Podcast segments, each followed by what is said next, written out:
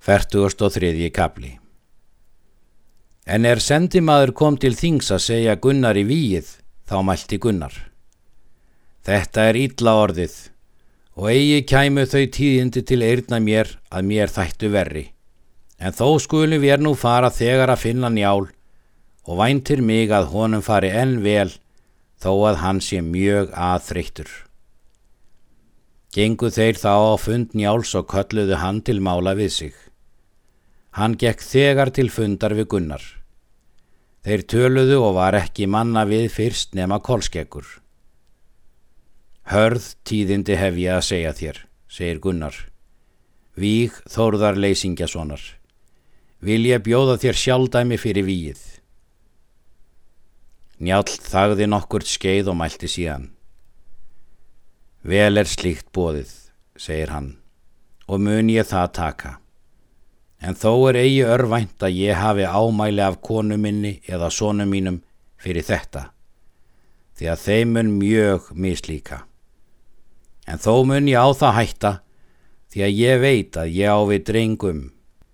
Vil ég og eigi að af mér standi afbrygð okkar af vináttu.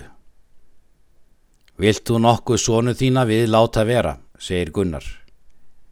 Ekki, segir Njál því að eigi muni þeir rjúfa þá sáttir ég geri.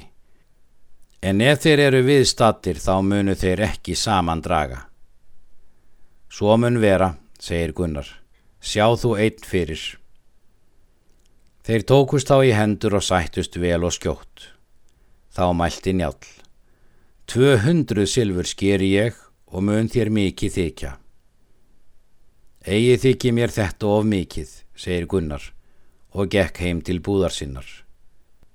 Sýnin Jáls komu heim til búðar og spurði skarpjén hvað hann í mikla og hitt góða kæmi er fadur hans helt á. Njál mælti. Ég segi yður víg þórðar fóstræðvars og höfum við gunna nú sæst á málið og hefur hann tvennum manngjöldum bættan. Hverjir hafa vegið hann, segir skarpjén. Sigmundur og skjöldur, en þráin var þó nær stattur, segir njál. Mikils þótti þeim við þurfa, segir skarpjén, en hvar skal þá komið er við skulum handa hefja? Skamt mun til þess, segir njál, og mun þú þá eigi þess lattur, en þó þykir mér mikið undir að þér rjúið eigi þessa sætt. Svo munum við þá gera, segir skarpjén, En ef til verður nokkuð með oss, þá munum við minnast á hinn forna fjandskap. Engis mun ég þá um beida, segir njál.